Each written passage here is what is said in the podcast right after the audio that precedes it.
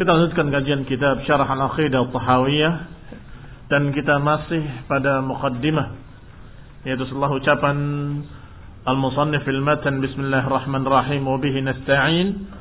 Kemudian Ibn Abdul Aziz Al-Hanafi rahimahullah menyebutkan muqaddimahnya sampai pada ucapan beliau wa yanbaghi an yu'raf atau wa amma ma yajib ala a'yanihim Adapun apa yang wajib bagi setiap individu. Fahada yatanawwa bitanawwu qudarihim wa hajatihim. Mudah-mudahan masih ingat bahwa yang lalu dibahas pada kajian yang lalu bahwa bagi seorang wajib dia belajar apa yang wajib bagi dirinya dan juga wajib mempelajari apa yang merupakan akidah yang harus dia yakini secara mujmalan, secara global. Dan juga mempelajari apa-apa yang sifatnya amaliyah yang wajib baginya seperti salat, puasanya, sehingga dia harus ngerti dan harus bisa mengerjakan ibadah yang wajib baginya. Adapun mempelajari secara umum, secara rinci seluruh masalah agama ini, seluruh apa yang dibawa oleh Rasulullah SAW, maka dikatakan oleh beliau fardun alal kifayah. Termasuk fardu, tapi alal kifayah. Yani harus ada di kalangan kaum muslimin, tullabul ilm. Wal takun minkum ummatun hendaklah ada di tengah-tengah kalian satu umat yang mengajak kepada kebaikan, mengajarkan kebaikan. Dan hendaklah ada di antara kalian ta'ifatun yatafaqahu fid din. Hendaklah ada sekelompok di tengah-tengah kalian yang bertafakuh dalam agama sehingga harus ada di tengah kalian satu kelompok, satu umat. Yani sebagian kaum muslimin yang mempelajari agama ini secara rinci. Agar agama ini tidak hilang. Disampaikan kepada generasi berikutnya. Dipelajari oleh generasi berikutnya, disampaikan pada generasi berikutnya lagi. Ini harus ada. Sehingga fardunya fardu alal kifayah. Maka kata beliau, wa amma ma yajib ala a'yanihim. Adapun yang wajib ain bagi setiap individu, Fahada yatanawwa' bitanawwu'i qudarihim. Maka berbeda-beda hukumnya sesuai dengan kemampuan-kemampuan mereka. Qudrah-qudrah mereka. Mahajatihim wa ma'rifatihim. Sesuai dengan kebutuhan mereka. Dan sesuai dengan pengetahuan mereka. Wa ma umira bihi a'yanuhum. Dan juga tergantung perkara-perkara yang memang diwajibkan secara ain. Kalau perkara itu diwajibkan secara ain, maka tentunya ilmunya pun harus dipahami secara ain, secara individu. Wala yajib 'ala al-ajiz an sima'i ba'd al-'ilm sehingga tidak mengapa. Bagi orang yang tidak mampu maka dia tidak bisa mempelajari sebagian ilmu rincian-rinciannya an fahmi daqiqihi enggak mengerti rinciannya. Ma yajib 'alal qadir tidak wajib bagi mereka seperti apa yang diwajibkan kepada yang mampu ini orang mampu, cerdas. Ini orang dalam keadaan tidak mampu dan memang susah untuk paham. Maka kewajiban antara kedua orang ini berbeda. Bagi orang yang pertama, yang memang deki, cerdas, bisa mempelajarinya, maka dia diperintahkan untuk mempelajarinya sampai detailnya. Iya, kenapa begini harus tahu hadisnya. Setelah tahu hadisnya harus tahu sahihnya. Setelah tahu sahihnya, kenapa sahih? Harus tahu sanadnya. Harus tahu kenapa sahih, siapa rawi-rawinya, bagaimana sanadnya, bersambung atau tidak bersambung dan seterusnya. Tapi bagi mereka-mereka yang tidak bisa, tidak mampu, maka cukup bagi dia bahwa ini wajib karena hadis ini dan hadisnya sahih. Titik. Adapun kenapa sahih, dia tidak tahu. Dia hanya menyatakan kata para ulama seperti Syekh Al-Albani sahih, maka saya ikut. Kalau memang dia tidak mampu untuk mempelajari lebih dari itu, itulah mablaghuhu minal ilm. Memang sampai di situ ilmunya. Maka bagi dia dimaklumi. Sehingga kata beliau, la yajib 'alal 'ajiz sama yajib 'alal qadir. Tidak sama. Apa yang wajib atas orang yang tidak mampu berbeda dengan kewajiban atas orang yang mampu. Wa yajib 'ala man sami'a an-nusus wa fahimaha min 'ilmi at-tafsil ma la yajib ala man lam yasma'ha. Juga bagi orang yang mendengar dan belum mendengar. Itu juga kewajibannya berbeda. Yang sudah mendengar wajib mengamalkan. yang belum mendengar, maka dia dikatakan tidak tahu. Orang yang tidak tahu tidak disalahkan, tetapi diperintahkan untuk mempelajari. Sehingga kewajiban bagi orang yang sudah mendengar dalil dan kewajiban orang yang belum mendengar dalil berbeda. Sehingga Allah Subhanahu wa taala setiap mengancam itu mengancam orang-orang yang sudah mendengar dalil tapi menolak. Bukan orang-orang yang belum menerima dalil. Sebagaimana Allah Subhanahu wa taala menyatakan wa man yushaqiqir rasul min ba'di ma tabayyana lahul. Siapa yang menentang jalan Rasul setelah datang kepadanya petunjuk. Perhatikan kalimat ini. Setelah datang baginya petunjuk. Artinya setelah jelas baginya. Setelah dia mendengar bahwa itu sahih. Setelah dia mendengar tentang hadis itu. Maka tidak boleh meninggalkan jalan Rasul. Dia sudah tahu jalannya. Maka wajib bagi dia untuk mengikutinya. Berarti ancaman tadi kepada siapa? Kepada mereka-mereka yang yusyaqiqir Rasul. Min ba'di ma tabayyanahul huda. Ancaman tadi buat mereka-mereka yang menentang jalan Rasul dalam keadaan sudah tahu dalilnya, sudah tahu hujahnya, sudah mendengar hadis-hadisnya. Tetapi tetap menentang jalan Rasul, mereka lah yang terancam dengan ancaman-ancaman berat. Dan demikianlah selalu Allah ancam mereka-mereka setelah ilmu datang pada mereka. Sebagaimana ayat lain ma kunna mu'adzibin hatta nab'atha rasulah. Dan kami tidak akan mengadab mereka sampai kami mengutus Rasul kepada mereka. Yani sampai mereka mendengar dakwah para Rasul. Ketika mereka mendengar dakwah para Rasul dan mereka menolak, baru diadab oleh Allah Subhanahu wa taala. Wa ila Madyan akhahum Syuaib. Kepada kaum Madyan diutus Syuaib. Ketika mereka menolak dakwahnya Nabi Syuaib, diadab. Demikian pula Allah kirim kepada kaum Samud, kaum Ad, Nabi Saleh dan Nabi Hud. Ketika mereka menolak, diazab oleh Allah. Diutus Musa alaihi salam kepada Firaun. Ketika mereka menolak, ditenggelamkan oleh Allah SWT. Dan setelah diutus Rasul, mereka mendengar kemudian menolak, baru diazab. Berarti wajib alaman alaman sami'ad da'wah, alaman sami'ad dalil, ma la yajib alaman lam yasma'. Wajib bagi orang yang sudah mendengar, tidak seperti apa atau tidak seperti siapa yang belum mendengar. Berarti perbedaan-perbedaan ini karena apa? Karena simak juga. Di antaranya yajib alaman sami'an nusus. Wajib bagi mereka yang mendengar nas-nas wa fahimaha dan sudah memahaminya min ilmi tafsil dari ilmu yang rinci tadi ma la yajib ala man lam yasma'ha. Tidak seperti wajibnya atas orang yang belum mendengarnya atau belum memahaminya. Demikian pula yajib alal mufti wal muhaddis wal hakim ma la yajib ala man laisa.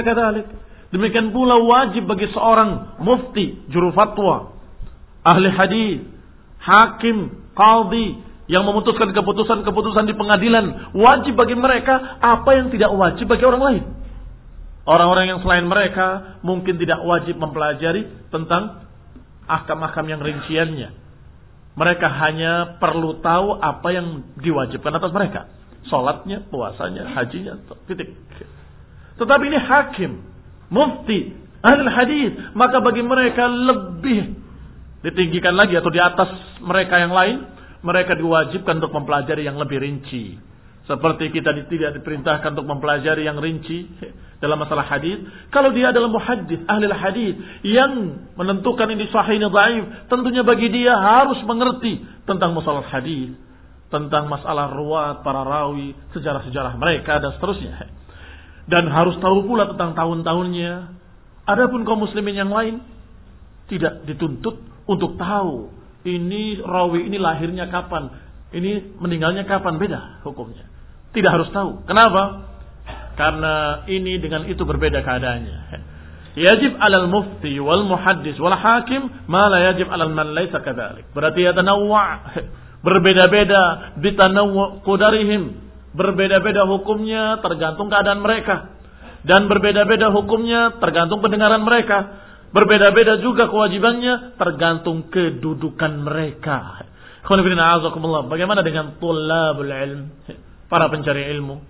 Kalau dia menjadi talib al-ilm, pencari ilmu, maka mesti dia mempelajari semuanya.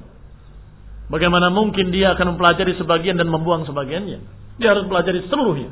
Apakah kita mengharapkan orang-orang awam mempelajari itu semua? Tidak. Tentunya orang-orang awam justru mengharapkan kalian wahai tulabul ilm mempelajari ilmu itu. Sehingga kalau mereka punya permasalahan, mereka akan cari dan tanya kepada tulabul ilm. Wahai para santri, wahai para asatidah, akan tanya pada tulabul ilm. Apa hukumnya? Kalau kalian juga menganggap, ah yang penting bagi saya cuma sholat. Maka saya pelajari sholat saja titik. Terus dari mana mereka orang-orang awam? Ingin mempelajari ilmu din. Kalau bukan dari mereka-mereka, murid-muridnya para ulama, murid-muridnya para murid-muridnya ulama. Maka yanbaghi an yu'raf anna 'amata man dhalla fi hadzal bab aw 'ajaza fihi an ma'rifatil haqq fa innama huwa li tafritihi fi ittiba'i ma ja'a bihi rasul Perlu diketahui bahwasanya kebanyakan mandalla, kebanyakan orang-orang yang sesat dan menyimpang dalam masalah ini adalah karena mereka tidak mengikuti jalannya Rasulullah SAW. Tidak mengikuti sunnah-sunnah Rasulullah SAW. Sebagaimana ancaman Allah tadi, "Wa man yushaqiqir rasul min ba'di ma tabayyana lahul huda." Barang siapa yang menyelisihi jalan Rasul setelah datangnya petunjuk pada mereka, maka kata Allah, kalau mereka menyelisih jalan Rasul, wa yattabi' ghaira sabilil mu'minin dan menjalani jalan lain bukan jalannya orang mukmin, nuwallihi ma tawalla. Kami akan sesatkan dia. Ke mana dia berpaling? Wa nuslihi jahannam dan kami akan masukkan dalam jahannam. Berarti dua perkara ancaman Allah, kesesatan dan jahannam. Berarti dalam ayat ini kita mendapatkan berita yang jelas sebagaimana apa yang dikatakan oleh Ibn Abdul Aziz dalam kitab kita ini bahwa kebanyakan orang yang sesat adalah karena mereka tidak mau mengikuti jalan Rasul, tidak mengikuti sunnah-sunnah Rasul, litafritihi fittiba'i ma Rasul. Karena mereka lalai, tidak mau mengikuti jalannya para Rasul. Wa tarkin nazar wal istidlal al-musil ila ma'rifatih dan tidak mau melihat tidak mau mempelajari, tidak mau berdalil dengan hujah-hujah yang akan membimbing dia untuk memahami dalil, untuk memahami jalan yang lurus. Falamma a'radu, ketika mereka berpaling dari kitab Allah, ballu, mereka sesat. Ketika mereka berpaling dari ajaran Rasulullah, ballu, mereka sesat. Sebagaimana Allah Subhanahu wa taala berfirman, "Fa imma ya'tiyannakum minni hudan, faman tabi'a hudaya fala yadhillu wa la yashqa." Kata Allah, fa imma ya'tiyannakum minni hudan, bisa jadi akan datang kepada kalian dari kami petunjuk, hidayah. Yani Allah katakan kepada Nabi Adam alaihissalam dan Hawa dan keturunannya bahwa kalian terus di bumi dan kalian akan turun temurun terus semakin banyak semakin banyak. Fa imma ya'tiyannakum minni hudan dan bisa jadi nanti akan datang petunjuk bagi kalian. Dengan apa datangnya petunjuk? Dengan diutusnya para rasul alaihi wassalatu wassalam atau dengan diturunkan kitab-kitab pada mereka yakni dengan kitab-kitabnya dan dengan rasul-rasulnya. Fa imma ya'tiyannakum minni hudan bisa jadi akan datang kepada kalian bimbingan hidayah.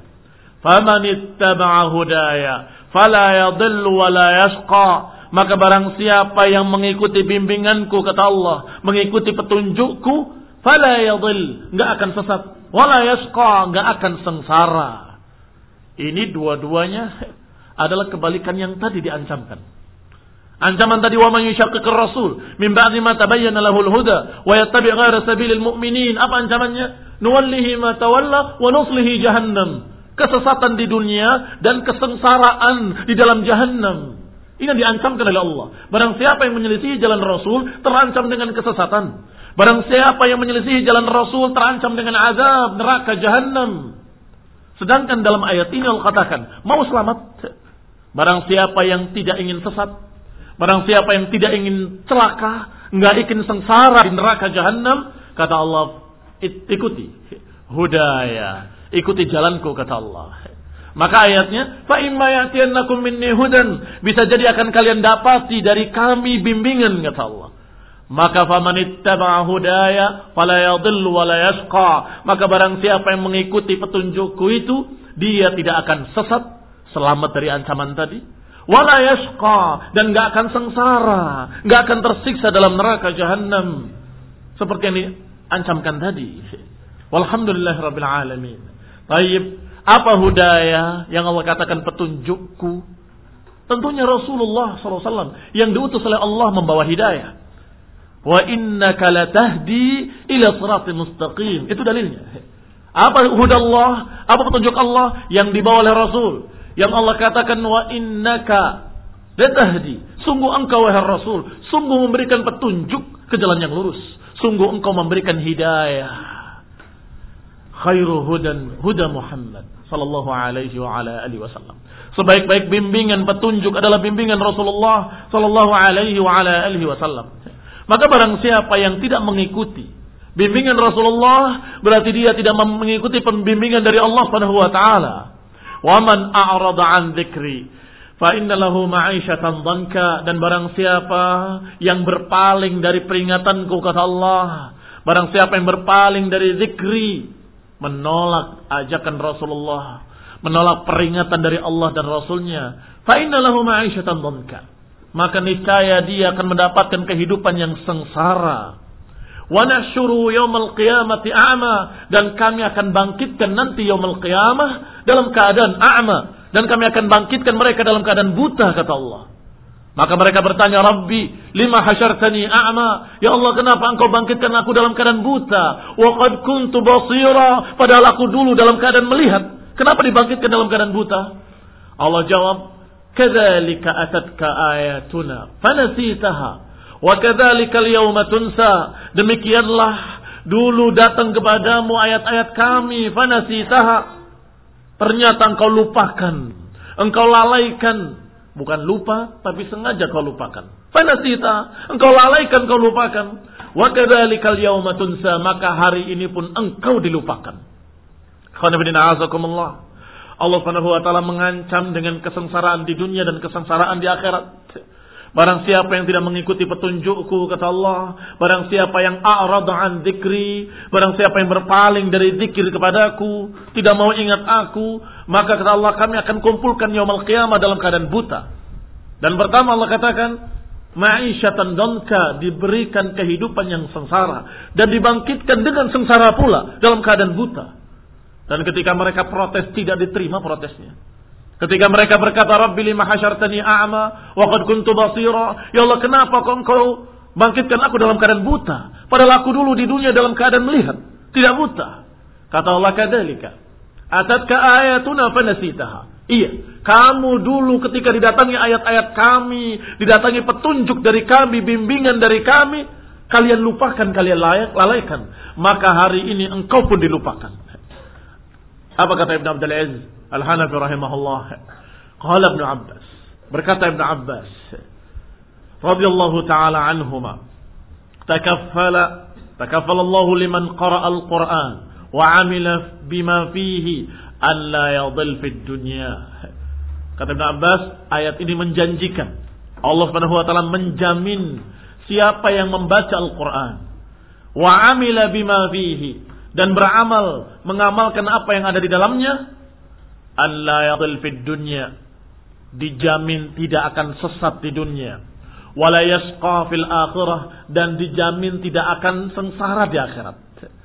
Berarti kesesatan di dunia kesengsaraan di akhirat dijamin oleh Allah bahwa mereka tidak akan mendapatkannya. Tidak akan mendapatkan kesesatan di dunia dan gak akan mendapatkan kesengsaraan yaumul qiyamah. Kemudian dibacakan ayat tadi Wa kama fil hadis alladhi rawahu Tirmidzi dan sebagaimana diriwayatkan pula dalam hadis yang diriwayatkan oleh Tirmidzi dan lainnya dari Ali radhiyallahu taala anhu dan hadisnya hasan mauquf.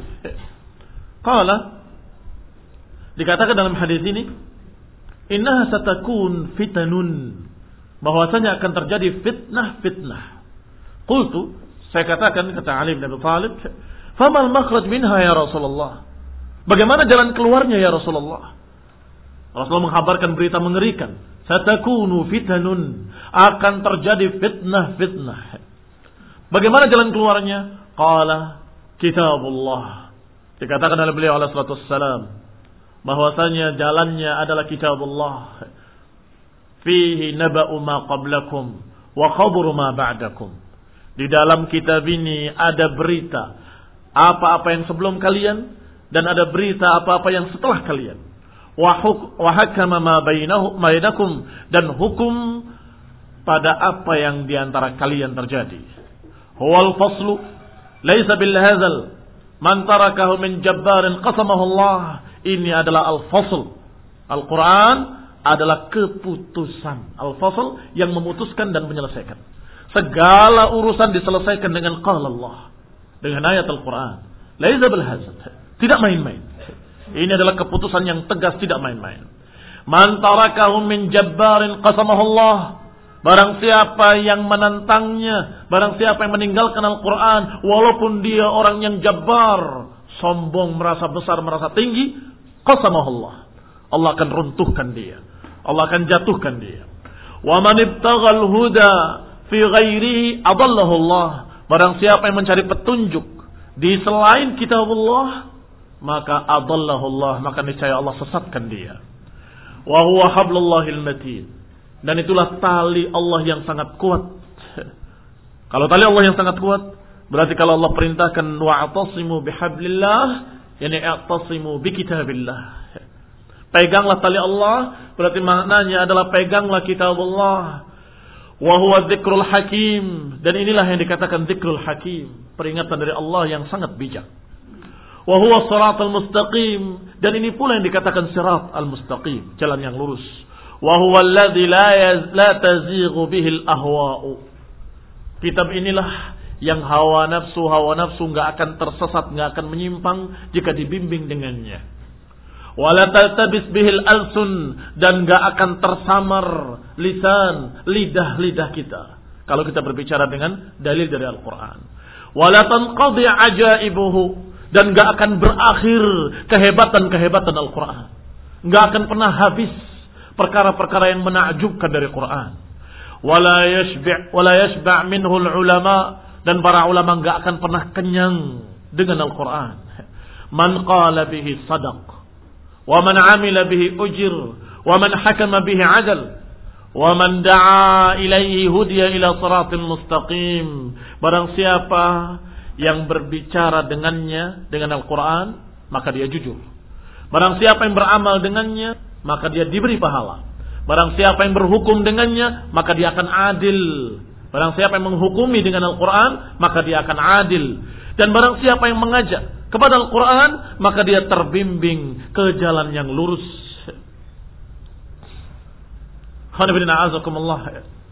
Demikian dikatakan hadis ini kalau marfu kepada Rasulullah SAW dikatakan daif, tetapi dia mauquf ala Ali radhiyallahu taala anhu. Wala yaqbalu Allah min al-awwalin wal akhirin dinan yadinuna bihi illa an yakuna muwafiqan li dinihi. Oleh karena itulah Allah Subhanahu wa taala tidak akan menerima agama apa pun minal awwalin wal akhirin dari awal sampai akhir yang mereka pegang sebagai agama nggak akan Allah terima kecuali yang muwafiqan li dinihi kecuali yang sesuai dengan agamanya yang Allah telah gariskan melalui lisan para rasulnya. Maka di zaman para rasul tentunya tidak akan diterima kecuali apa yang diajarkan oleh rasulnya. Demikian pula di zaman kita, berarti zaman terakhir tidak akan diterima kecuali apa yang telah digariskan oleh rasul terakhir, yaitu nabi kita Nabi Muhammad sallallahu alaihi wa ala alihi wasallam. Berarti layak Allah illa an yakuna muwafiqan li dinihi alladhi syara'a syara'ahu ala alsuni rusulih alaihi wassalatu wassalam. Tidak diterima oleh Allah kecuali yang cocok dengan syariat Allah yang Allah telah ajarkan melalui lisan para rasul. Maka ikhwan bin azakumullah, kitab Al-Quran dipegang. Kuat-kuat. Karena sudah disebutkan tadi keutamaan-keutamaannya. Tetapi tetap kita memegangnya dan tidak lepas dari bimbingan para rasul. Karena turunnya Al-Quran kepada para rasul. Turunnya Al-Quran kepada Rasulullah SAW. Dan kemudian Rasulullah mengajarkan. Dengan ucapannya. Dengan contoh teladannya. Dengan sikap-sikapnya. Dengan perbuatan-perbuatannya. Maka seluruh perbuatan Rasulullah adalah cerminan Al-Quran. Karena khuluquhu Al-Quran. Akhlaknya Rasulullah adalah Al-Quran. Maka kita pegang Al-Quran dan kita lihat bagaimana penerapannya. Kita lihat bagaimana penerapannya dari Rasul, bagaimana Rasulullah menerapkannya. Laqad kana lakum bi uswatun hasanah. Telah ada bagi kalian contoh teladan yang baik pada diri Rasul. ada contoh teladan yang baik bagaimana cara penerapan Quran. Sehingga tidak bisa kita mengambil satu dalil tentang keutamaan Al-Quran, kehebatan Al-Quran, dan mengatakan Al-Quran surat al-mustaqim, kemudian mengatakan cukup Al-Quran saja, nggak perlu sunnah. Tidak demikian. Karena tidak mungkin kita bisa tepat mengamalkan Al-Quran kecuali melihat contoh yang Allah katakan dalam Al-Quran, Laqad kana lakum fi Rasulillahi uswatun hasanah. Telah ada bagi kalian contoh teladan yang baik pada diri Rasul. Sehingga kita ambil Al-Quran. Dan kita pegang pula Rasulullah SAW sebagai pembimbing dan pengajar Al-Quran. Qala wa qad nazzahu Allah Ta'ala nafsahu an amma yasifuhu al-ibad. Baik, sekarang kita masuk kepada masalah akidah. Setelah umum dibicarakan tidak ada jalan lain kecuali jalan kitab wa sunnah, maka Allah Subhanahu wa taala telah mensucikan dirinya dan telah mensifati dirinya dengan sifat-sifat yang mulia dan menamakan dirinya dengan nama-nama yang mulia dengan asmaul husna wasifatil ula dengan nama-nama yang tinggi dan dengan sifat-sifat yang sangat tinggi pula. Allah Subhanahu wa taala mengenalkan dirinya, yasifuhu wa yunazzihuhu amma yasifuhu al-ibad dan Allah mensucikan dirinya dari apa yang disifati oleh manusia dengan salah. Allah sucikan dirinya, tidak. Aku tidak seperti apa yang mereka katakan. Aku tidak seperti yang mereka katakan. Allah sucikan dirinya dari apa-apa yang disifatkan oleh makhluk dengan keliru. Allah Subhanahu wa taala menerima mereka-mereka yang mensifatinya dengan sifat yang Allah kenalkan sendiri atau yang dikenalkan oleh Rasulullah yang Allah utus. Allah katakan subhana rabbika rabbil izzati amma yasifun. Sungguh maha suci Rabbmu, Rabbul izzati dari apa-apa yang mereka sifatkan. Kaum musyrikin mensifati bahwa Tuhan-Tuhan mereka itu Tuhan-Tuhan kecil. Dan mereka sifati Tuhan-Tuhan mereka ini adalah Tuhan-Tuhan perempuan. Anak-anak Tuhan, anak-anak Allah. Ini musyrikin. Maka Allah katakan subhan rabbika rabbil izzati amma yasifun. Maha suci Allah dari apa yang mereka sifatkan. Allah tidak memiliki anak. Dan Allah tidak memiliki pasangan Tuhan-Tuhan perempuan. Gak memiliki.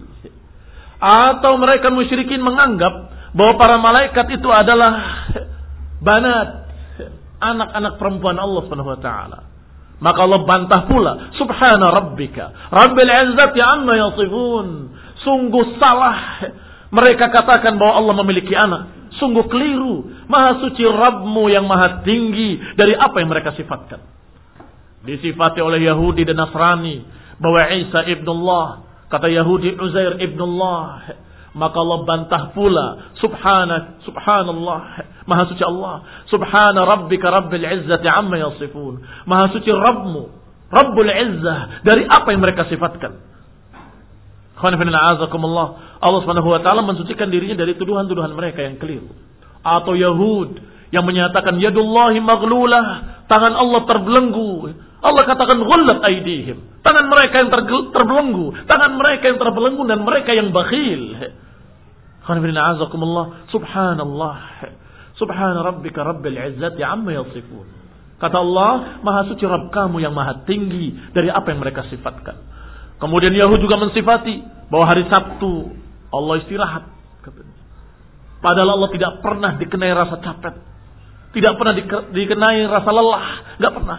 Ma masana min lughub kata Allah. Kami nggak pernah disentuh rasa lelah. nggak pernah disentuh rasa capek kata Allah. Demikian pula ada yang menyatakan dalam hal ini kita nanti malam saja. Niscaya Allah tidak melihat karena tidur. Allah bantah lagi. La ya'ta'khudhuhu sinatun wala naum. Allah tidak pernah disentuh rasa kantuk, tidak pernah disentuh tidur. Allah hayyun la yamut dan kehidupan Allah maha sempurna. Kehidupan yang maha sempurna, kehidupan yang tidak pernah disentuh rasa kantuk, nggak pernah disentuh tidur dan tidak pernah akan mati. Allah Subhanahu wa taala hayyun la yamut. Huwal hayyul qayyum. Maka ini makna kalimat Rabb. Subhana rabbika, Rabbil izzati amma yasifun. Maha suci Rabbmu, Rabbul Izzah dari apa yang mereka sifatkan. Keliru mereka menyifatkan. Wassalamun alal mursalin. setelah menyatakan subhana rabbika rabbil izzati amma yasifun wa salamun alal mursalin dan keselamatan bagi para rasul, keselamatan jalan mereka, keselamatan agama mereka dan keselamatan pengenalan mereka kepada Allah. Tepat mengenali Allah sebagaimana mestinya. Mengenali Allah sesuai dengan apa yang Allah kenalkan dirinya padanya. Maka para rasul selamat. Setelah Allah katakan maha suci Allah dari apa yang mereka sifatkan, Allah katakan berikutnya dan keselamatan bagi para rasul. Walhamdulillah rabbil alamin. Maka kata Ibn Abdul Aziz Al-Hanafi rahimahullah, "Fanazzaha nafsahu subhanahu amma yasifuhu bihil kafirun." Maka Allah sucikan dirinya dari apa yang disifatkan oleh orang-orang kafir. Thumma, kemudian keselamatan atas para rasul lisalamati ma wasafuhu bihi minan naqais. Dikatakan salamun alal mursalin, keselamatan bagi para rasul karena selamatnya mereka dalam mensifati Allah Subhanahu wa taala. Yani selamat minan naqais, selamat dari kekurangan-kekurangan, wal uyub dari aib-aib. Thumma hamida nafsahu ala tafarrudihi bil awsaf. Kemudian Allah Subhanahu wa taala memuji dirinya. Walhamdulillahi rabbil alamin. Memuji dirinya dan kesendiriannya dengan sifat-sifat itu. Yani kesendiriannya hanya Allah Subhanahu wa taala yang memiliki asma'il husna wa sifatil ula. Bil awsaf allati yastahiqu 'alaiha kamalul hamd. Dengan sifat-sifat itu semua, dengan asma'ul husna, dengan sifatil ula, maka Allah Subhanahu wa taala menyendiri, tidak sama dengan makhluknya. Laisa kamitslihi syai'. Wa madha ala ma kana alaihi rasul. Demikianlah berlalu ajaran Rasulullah sallallahu alaihi wa ala alihi wasallam. Dan kemudian berlalu pula setelahnya orang-orang yang langsung belajar dari Rasulullah yaitu khairul qurun, sebaik-baik generasi. Wa humus sahabah. Mereka lah para sahabat Rasulullah SAW. Dan kemudian diikuti wattabi'una lahum bi ihsan. Diikuti oleh para pengikut-pengikutnya dari kalangan tabi'in yang mengikuti mereka dengan ihsan. Yusi bihil awwalu wal akhir. Mereka mewasiatkan yang pertama kepada yang terakhir. Yang yang pertama dapat dari Rasul, mewasiatkan kepada yang berikutnya. Yang pertama menerima dari sahabat, menyampaikan kepada yang belakangan. Dan terus begitu. Wa yaqtadi fihi allahiqu bis-sabiq. Dan terus mengikuti, meniti jejak orang yang belakangan mengikuti jejak orang yang sebelumnya. Ya, ini dari Rasulullah SAW kepada para sahabat. Para tabi'in mengikuti para sahabat. Para tabi'in tabi'in mengikuti para tabi'in dalam mengenali Allah dengan nama-namanya dan sifat-sifatnya yang mulia. Wa hum fi dzalika kullih bi nabiyihim Muhammad sallallahu alaihi wa ala alihi wasallam muqtadun. Dan mereka seluruhnya dalam keadaan mengikuti Rasulullah sallallahu alaihi wasallam. Seluruhnya. Apakah sahabat tabi'in dan tabi'it tabi'in atau yang berikutnya yang berikutnya. Mereka semuanya mengikuti dan mengikuti teladan Rasulullah. Meniti jejak Rasulullah Sallallahu alaihi wasallam. Tergambar. Bagaimana manhaj beliau. Manhaj Ibn Abdul Aziz Al-Hanafi. Sebagaimana manhajnya Abu Ja'far Al-Tahawi. Dan juga para imam-imam ahli sunnah dari madhab apa pun. Mereka semua sepakat. Quran dan sunnah kemudian dengan apa yang dipahami oleh para sahabat. Karena para sahabat mengikuti Rasulullah SAW. Maka mereka mengikuti para sahabat dalam memahami Quran dan Sunnah. Demikian pula para tabi'in mengikuti para sahabat dan para tabi'in tabi'in mengikuti tabi'in. Sehingga manhaj ini bukan manhaj bid'ah. Manhaj salaf ini manhaj yang sejak dulu mereka sudah paham. Sejak zaman para sahabat bahkan dan tabi'in. Dan mereka dalam rangka mengikuti Rasulullah SAW. Wa ala manhajihi salikun. Mereka mengikuti manhaj Rasulullah. Mereka berjalan di jalan Rasulullah. Sebagaimana Rasulullah SAW diperintahkan oleh Allah untuk mengatakan. Qul, katakan. Hadihi sabili. Ad'u ila Allah ala basiratin ana wa man ittaba'ani. Kata Allah kepada nabinya, Qul, katakan wahai Rasul. Katakan wahai Nabi, hadhihi sabili ad'u ila Allah. Ini jalanku. Aku mengajak kepada Allah ala basirah di atas ilmu. Ana wa man ittaba'ani. Aku dan pengikutku. Perhatikan kalimat wa man ittaba'ani. Kalimat wa man ittaba'ani dan siapa-siapa yang mengikutiku ini bisa ma'tuf ala al-awwal yani hadhihi sabili ad'u bisa ma'tuf ala ad'u, aku mengajak kepada Allah. Wa man ittaba'ani dan juga yang mengikuti aku mengikuti seperti apa yang aku ajak. Ad'u ila Allah. Bisa juga ma'tuf ala kalimat ala basirah. Ana wa man ittaba'ani. Yang di atas basirah itu aku dan pengikut. Maka kata Syekh rahimahullah, "Fahuwa dalilun ala anna atba'ahu humud du'ah ilallah dan ini dalil bahwa pengikut-pengikut Rasulullah adalah orang-orang yang sama-sama mengajaknya kepada Allah. Wa in kana ma'tufan 'ala dhamiril munfasil. Dan kalau ngikutnya, atufnya kepada dhamir yang tersendiri, fahuwa sarihun an, anna atba'ahu hum ahlul basirah. Maka maknanya sangat jelas Berarti pengikut-pengikut Rasul sama-sama di atas basirah. Jadi kalau atafnya kepada ad'u, ad'u ilallah, wa man ittaba'ani, aku mengajak pada Allah dan juga orang yang mengikutiku, berarti sama-sama mengajak kepada Allah. Kalau atafnya kepada ala basiratin ana, wa man ittaba'ani, maka maknanya aku dan pengikutku di atas basirah. Dan dua-duanya benar.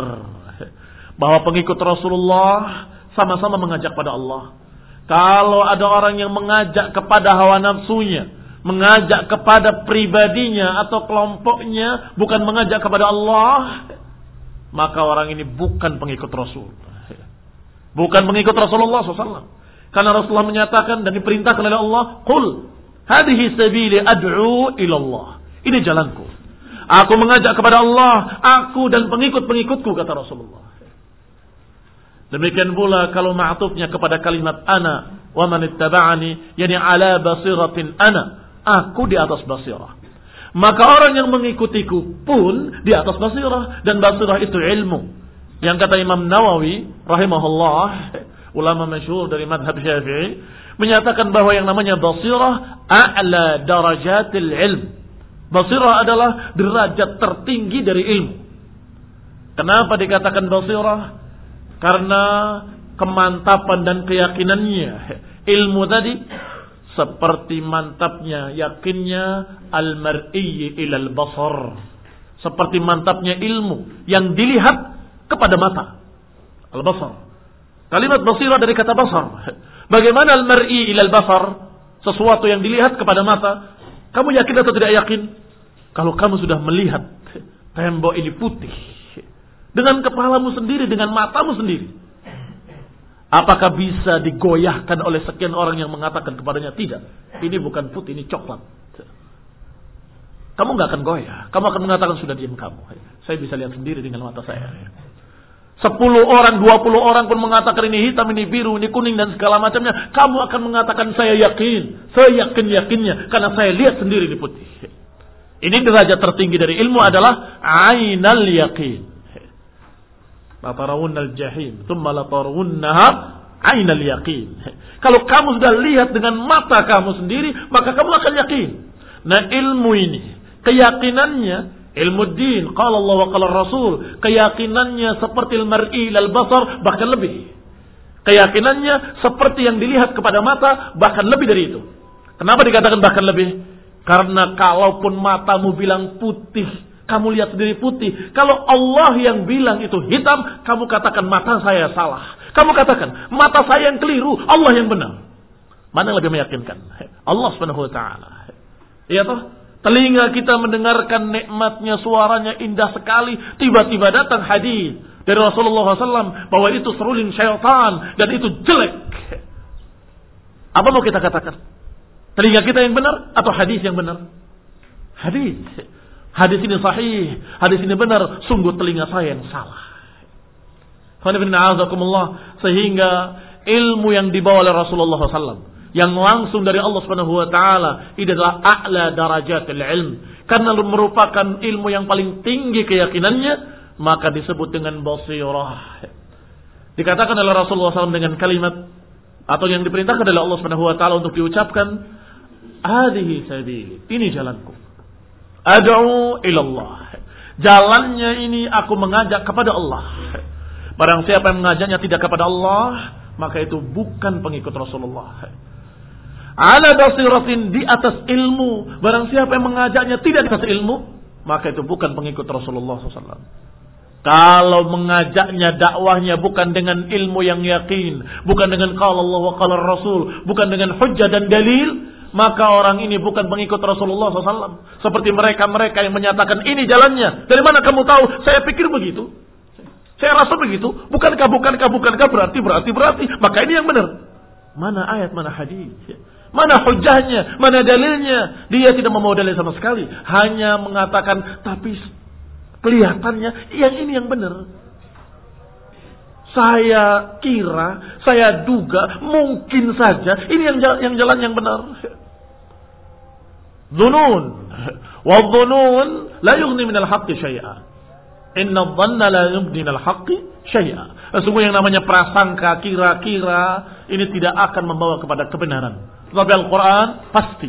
La raiba fi. Al-Quran pasti la miryata fihi. Al-Quran ini meyakinkan enggak ada di dalamnya keraguan sama sekali. La raiba fihi hudan lil muttaqin. La miryata fihi. Enggak ada kekaburan padanya, enggak ada kesamaran padanya. Demikian pula hadis-hadis Rasulullah yang sudah terbukti sahih. Maka itu hujjatun bila niza' itu adalah hujjah yang tidak perlu diperselisihkan lagi. Maka dikatakan begitulah mereka berjalan. Rasulullah SAW mengajarkan kepada para sahabat para sahabat memegang apa yang dipegang oleh Rasulullah, disampaikan kepada para tabi'in dan para tabi'in menerima dari para sahabat Al-Qur'an dan sunnah Rasulullah dan juga mereka mengajarkan maknanya dari ayat Al-Qur'an dan hadis-hadis tersebut. Wa qad ballagha Rasul sallallahu alaihi wasallam al-mubin wa awdaha al-hujjah dan Rasulullah sudah menjelaskan dengan penjelasan yang sangat gamblang dan sudah menggambarkannya secara jelas menjelaskan hujjah lil mustabsirin sudah menjelaskannya kepada mereka-mereka yang memang mau memandang, mau memperhatikan. Wasalaka sabilahu khairul qurun. Kemudian diikuti jalannya oleh para generasi-generasi pertama yang terbaik. Tsumma khalafa min ba'dihim khalfun ittaba'u ahwa'ahum. Kemudian muncullah di belakangnya khalaf. Setelah generasi salaf, muncul di belakangnya orang-orang khalaf ini seperti ayat Al-Quran dikatakan wa khalafa min ba'dihim khalfun adha'u salat wa taba'u syahawat. Kata Allah dan di belakang mereka, di belakang para anbiya, para para salihin yang Allah berikan pada mereka hasuna ulaika rafiqa. Tiba-tiba kata Allah wa khalafa min ba'dihim khalfun adha'u salat wa taba'u syahawat. Tiba-tiba muncul golongan-golongan di belakangnya golongan khalaf yang melalaikan salat mengikuti syahwat, ittaba'u ahwa'ahum, mengikuti hawa nafsu mereka masing-masing, waftaraku dan akhirnya mereka berpecah belah. Muncullah kelompok-kelompok sesat, muncul khawarij, muncul syiah rafidah, muncul qadariyah, muncul yang berikutnya mu'tazilah, muncul kelompok-kelompok yang sesat yang tidak mengikuti salafnya tidak mengikuti para sahabat dan tabi'in, tidak mengikuti hujjah dari Al-Quran dan hadis-hadis yang sahih. Mari katakan selanjutnya, fa'aqamallahu lihadil ummah man yahfad 'alaiha usul diniha. Maka Allah pun membangkitkan setiap generasi, setiap 100 tahun, setiap umat ada tokoh-tokoh ulama. Dibangkitkan oleh Allah. Ditakdirkan oleh Allah Subhanahu wa taala lahirnya orang-orang yang jenius, menghafalkan Al-Quran, mempelajari Al-Quran, memahami tafsir Al-Quran, mempelajari hadis, memeriksa hadis, meneliti hadis. yang yafad alaiha usul diniha. Yang dengan itu, dengan ilmu yang mereka punya, mereka bisa menjaga keaslian agama ini. Sebagaimana dikhabarkan oleh Rasulullah As-Sadiq sallallahu alaihi wa ala alihi wasallam, "La tazalu ta'ifatun min ummati Zahirina 'alal haqq. La yadurruhum man khadalahum. Sungguh akan selalu ada satu kelompok dari umatku yang tegak di atas kebenaran yang tidak pernah dirugikan dengan orang-orang yang menyelisihinya. nggak pernah mendapatkan mabarat apa pun dengan orang-orang yang mengacuhkannya, yang memboikotnya, yang tidak mau menolongnya. La yadurruhum. Mereka tetap di atas kebenaran, tidak goyah sama sekali. La yadurruhum, tidak menjelekkan mereka, tidak merugikan mereka, bahkan tidak membuat mereka kemudian ragu ketika ada orang-orang yang memusuhinya, atau orang-orang yang memboikotnya, atau orang-orang yang mencercanya, yang membiarkannya tidak menolong, tetap mereka istiqamah di atas hak, bahirina ala hak. Dan ini berita dari Rasulullah SAW dalam hadis-hadis yang sahih dalam Bukhari, dalam Muslim, Imam Ahmad, Tirmidzi dan lain-lainnya. Juga Abu Dawud. Rasulullah SAW menghabarkan dan kabarnya pasti. Tidak mungkin keliru, tidak mungkin dusta. Bahwa akan selalu ada sekelompok dari manusia ini tegak di atas kebenaran. Di zaman mana pun kalau katanya la tazal artinya terus menerus di zaman mana pun. Sehingga di zaman kita pun ada, di zaman sebelumnya ada, zaman sebelumnya ada dan zaman akan datang pun ada. Kapan berakhirnya mereka? Berakhirnya mereka ketika datangnya hari kiamat diawali dengan datangnya angin yang lembut yang mewafatkan setiap orang mukmin, maka saat itu mereka seluruhnya wafat. Maka tidak ada lagi setelah itu di dunia ini orang yang menyebut Allah Allah. Baru kemudian alaihim qamatil qiyamah. Atas mereka lah kemudian terjadi qiyamah. Khana bin a'azakumullah. Khana din rahimani wa rahimakumullah setelah itu kata Ibn Abdul Aziz maka di antara para ulama itu adalah al-imam al-kabir Abu Ja'far Ahmad ibn Muhammad ibn Salamah al-Azdi al-Tahawi di antaranya adalah Imam Abu Ja'far Ahmad bin Muhammad bin Salam al-Azdi At-Tahawi. Tangabbalahu Allah rahmatih. Semoga Allah taala mewafatkannya dengan rahmatnya, meliputinya dengan rahmatnya. Yang meninggal tis'an wa thalathin wa mi'atain. Wa wafatuhu sanat ihda wa ishrina wa thalathimi'ah. Wafatnya beliau pada tahun 321. Akhbar rahimahullah. Rahimahullah mengkhabarkan akidah yang lurus. Yang dinukil dari imamnya, dari gurunya Abu Hanifah An-Nu'man. Ibn Thabit Al-Kufi. Yang dia terima ilmu-ilmunya dari kedua murid terbesarnya. Dari Abu Hanifah. Yaitu Abu Yusuf. Dan juga Muhammad Ibn Al-Hasan Al-Syaibani. Abu Yusuf Ya'qub Ibn Ibrahim Al-Himyari Al-Ansari. Seran Muhammad bin Hasan Asy-Syaibani. Semoga Allah meridai mereka semuanya dan merahmati mereka semuanya dan maafkan kesalahan mereka semuanya. Maka nu ya'taqiduna min usuluddin. Mereka paparkan, mereka ajarkan apa yang mereka yakini dari prinsip-prinsip agama yang mereka pegang dari Rabbul Alamin. Kemudian insya Allah akan dibahas tentang apa yang dikatakan oleh beliau satu persatu dari Imam Muhammad ibn Muhammad Muhammad ibn Muhammad ibn Salamah al-Azdi at-Tahawi rahimahullahu taala. Sehingga kita tahu ternyata apa yang diyakini oleh beliau tidak berbeda dengan apa yang diyakini oleh Imam Syafi'i dan tidak berbeda dengan apa yang diyakini oleh Imam Ahmad rahimahullah dan juga Imam Malik dan para imam-imam ahli sunnah seluruhnya dalam masalah akidah tidak ada perbedaan. Mereka semuanya ajma'u, semuanya sepakat dalam prinsip-prinsip ini. Allahumma illa pada istilah-istilah saja. Kecuali sedikit pada masalah istilah-istilah yang kadang berbeda. Tetapi apa yang dimaksud keduanya atau yang dimaksud dalam mereka semuanya sama. Alhamdulillah rabbil alamin. Subhanakallah bihamdik. Asyhadu an la ilaha illa anta wa atubu. Wassalamualaikum warahmatullahi wabarakatuh.